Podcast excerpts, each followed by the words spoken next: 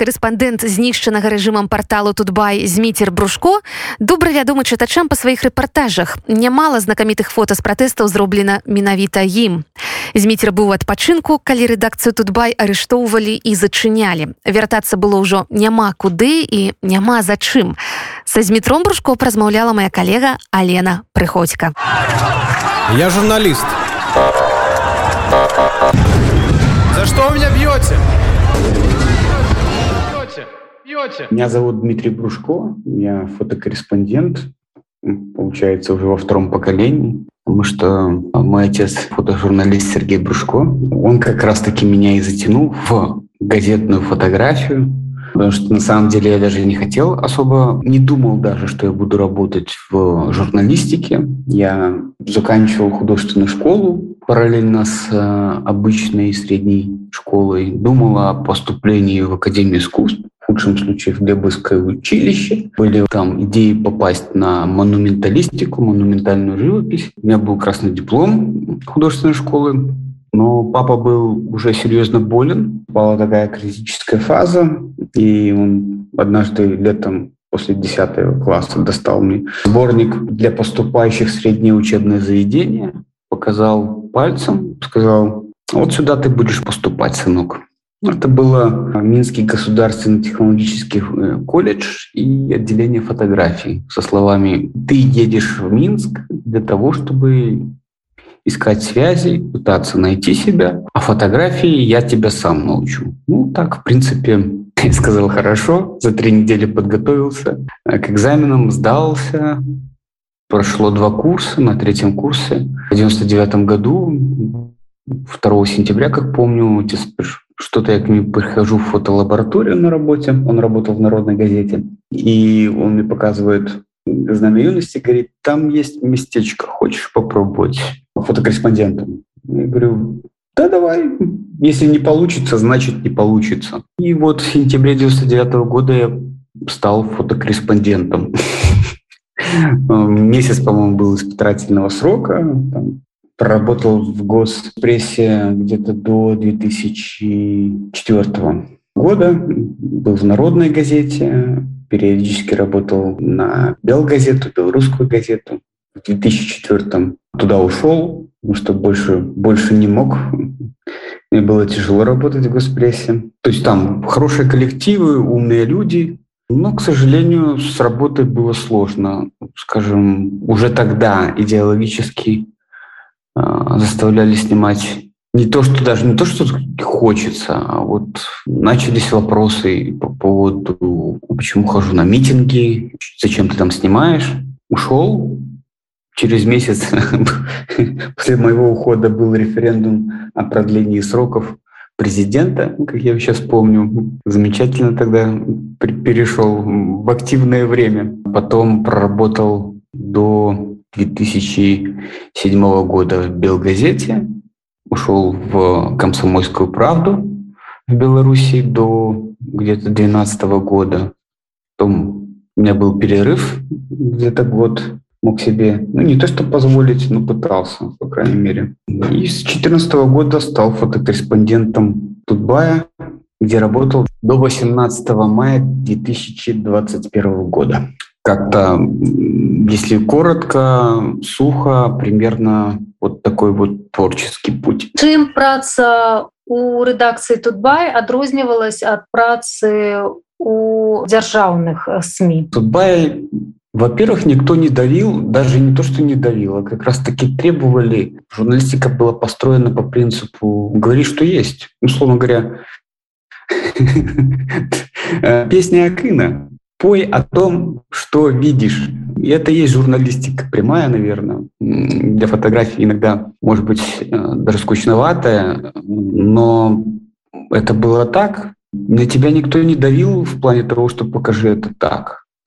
Покажи какого-то человека с такой позиции или, или с другой. Все отдавалось тебе, все, что ты мог сделать, это снять, как ты умеешь снять и рассказать про человека, организацию, предприятие, область, деревню. Ты не ставил людей, делая их лучше или хуже. Ты не игрался. Это был не театр. Ты жил фотографией, фотожурналистикой, и ты вот рассказывал о людях такие, какие они есть. Это многим не нравилось, я понимаю. Многие не любили как бы фотографов Тутбая за это, включая достаточно высоких людей.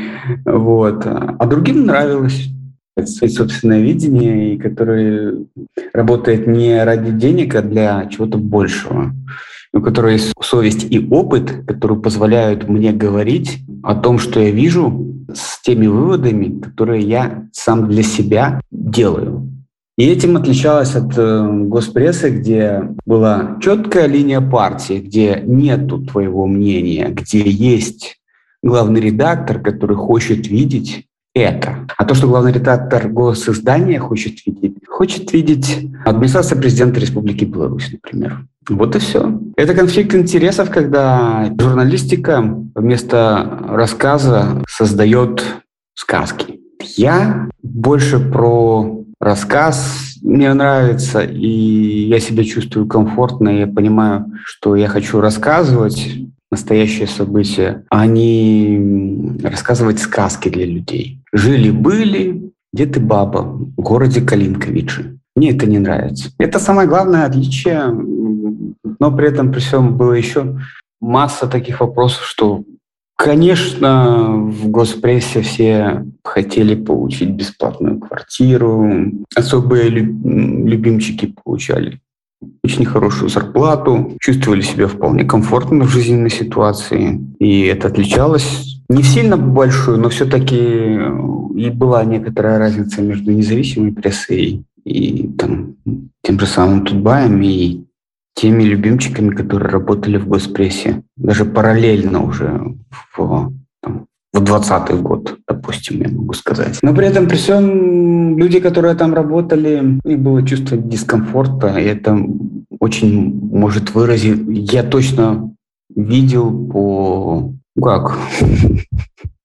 по, слышал по звону стакана в кабинетах Дома прессы, скажем так. Счастливые люди так не пьют. Поэтому между деньгами и совестью я выбрал совесть. Плохо, хорошо, это мы узнаем потом когда-нибудь. Может, даже не мы, а будущее поколение.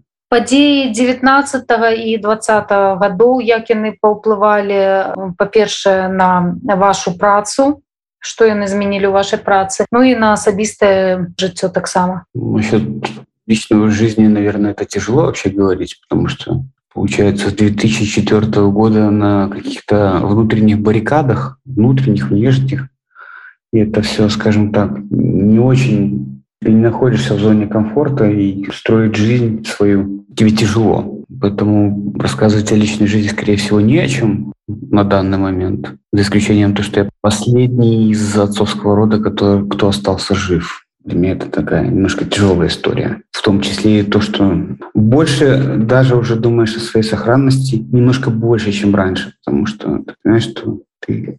Я по линии отца остался один. А второй вопрос, вопрос двойственный, потому что, с одной стороны, качество работы говорило о себе, о себе многое, поэтому нас любили, ненавидели, но все знали. Это говорит, скорее всего, о профессионализме о качестве работы. Даже при нелюбови определенного количества людей, там, с погонами или без, неважно. 20 год вообще был сложный в этом плане. Если 19 еще нас уже недолюбливали, на нас уже косились, нас, меня не аккредитовывали на некоторые мероприятия, потому что не нравился. Вот, то по 20 это, конечно, был с марта месяца 20 года все пошло не так стабильность рухнула окончательно. Соответственно, это был ну, такое турбулентное время, когда год за пять шел, наверное,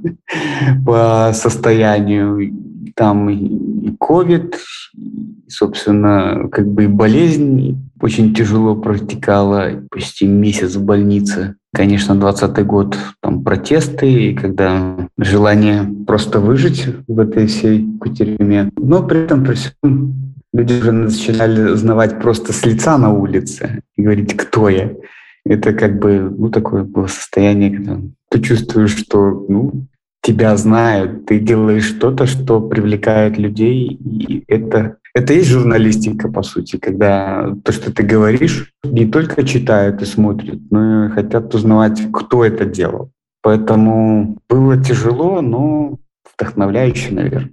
Ради, наверное, таких лет журналисты и работают тем более в своей стране. Хотя, конечно, было больно периодически от всего происходящего. Могу вспомнить, что как-то идя после какого-то митинга, а потом встречи в 12 часов ночи возле оперного театра, где-то из темноты под фонарь выходит девушка молодая, говорит, Дмитрий, спасибо вам за ваши фотографии. Они такие проникновенные. И уходит опять в темноту. Ну, меня до сих пор впечатлило это.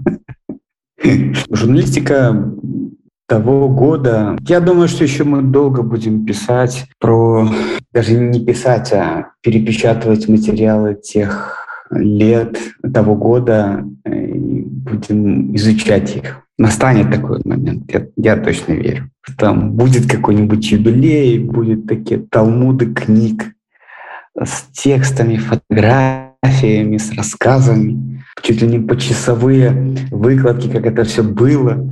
Это другая журналистика, чем было 25 лет подряд в Беларуси. Абставіна вашага ад'езда з Беларусі і як вы гэта перажывалі, як вам увогуле удалось вось гэтае такое с коранями оторваться? Были э, заметны какие-то неприятные моменты, в конце января, в начале февраля начал замечать за собой то, что слежку, но были какие-то вещи, на которые я подозревал плохие события, связанные со мной. Я взял трехмесячный отпуск. 14 февраля сел на самолет и вылетел в Киев. Перед вылетом у меня уже был даже опрос на выезде из Беларуси, что уже представляло собой некий знак. 18 мая 2021 года. И на самом деле я должен... Это был последний день моего отпуска. 19 я должен был вернуться в Минск на работу. Но вот пошло все вот так, как пошло. То есть 18 утром меня разбудили и сказали, «А, друзья, коллеги, которые тоже почувствовали неладное, которые выехали из Беларуси, наверное, за несколько дней до этого всего, мне позвонили в 9 часов утра со словами «А, «Приезжай, будем отбиваться все вместе». Все, кто остался из Тутбая. Я спрашиваю, а что случилось? Мне сказали, что был погром редакции. Нам нужны свободные люди, которые могут работать. Вот так я узнал про то, что произошло с Тутбаем. Уезжал не навсегда. Я не знал, насколько. Но это было решение временное. А то, что произошло с Тутбаем, это было было... Нельзя сказать, что это обрадовало, это просто привело к стечению обстоятельств, что я оставался, остался в Киеве. Была большая вероятность, что я уехал бы в Минск обратно. Но дальше желание, не то что желание, непонимание, что вообще там делать и куда возвращаться на выжженную землю. А потом, а потом в конце января 22 года сидели с друзьями в Голосейском парке на дне рождения одного из наших коллег. Мне говорил, говорил один из немногих, что скоро война будет. Мне все мои коллеги предупреждали, что ничего не будет, Дима, ничего не будет. Убедили. Я даже в Одессу поехал за несколько дней до войны. Вернулся, а через день, ну, отдохнул, было очень малолюдно в Одессе в те дни. Вернулся через день, в утра мне позвонили, сказали, Киев бомбили, началась война. Это было такое, ну, то, что неверие, я даже хотел оставаться. Но так получилось, что пришлось уехать в связи со всеми событиями, которые происходили вокруг, во-первых, меня, во-вторых, белорусской диаспоры. Як зараз вы плануеце сваё жыццё і э, увогуле як вы уяўляеце сабе э, у профессии надалей профессии очень сложно мягко говоря люди ищут себя люди ищут работу если мы говорим про репортерскую работу фотографов, да, это очень сложный вопрос. Снимать внутри Белоруссии не для кого, да и некого. Если мы говорим про настоящую журналистику, а не про, про пропаганду. Снаружи, вне Беларуси снимать да мало чего есть белорусам, собственно. Поэтому сложный вопрос. Главное найти работу сейчас, найти себя, поменять поменять, может быть, даже профессию, если приходится. Это вызов фотографов, уехавших из Беларуси, фотокорреспондентов. У меня пока есть возможность там, работать, есть какая-то поддержка. Этим, ну, это меня спасает в бытовом плане. Пока пытаюсь получить э, легализацию в странах Европы, хотя бы временную и понять, что делать дальше, выучить язык, опять же, это важно Вообще, как бы, с одной стороны, это очень тяжело, с другой стороны, может быть, к лучшему, потому что белорусы наконец-то увидят мир, поймут, может быть, найдут себе место в нем. Я нахожусь в ЕС, у меня есть работа, я иногда даже снимаю, но это достаточно нерегулярно происходит, скажем так. ці засталося ці ёсць яшчэ жаданне павярнуцца ў Беларусь ну пры пэўных умовах напрыклад калі там зменится палітычная сітуацыя ну во-первых ну, как минимум увидеть там близких людей это раз во-вторых как бы тут вопрос скажем так каждый человек помимо того что он человек одной из какой-то определенной страны, он еще должен найти себя в этом мире. Иногда люди находят себя в очень далеких э, странах, оставаясь белорусами, живут в другой стране. Я не могу ответить сейчас на этот вопрос. Наверное, я буду его отвечать в тот момент, когда произойдут изменения.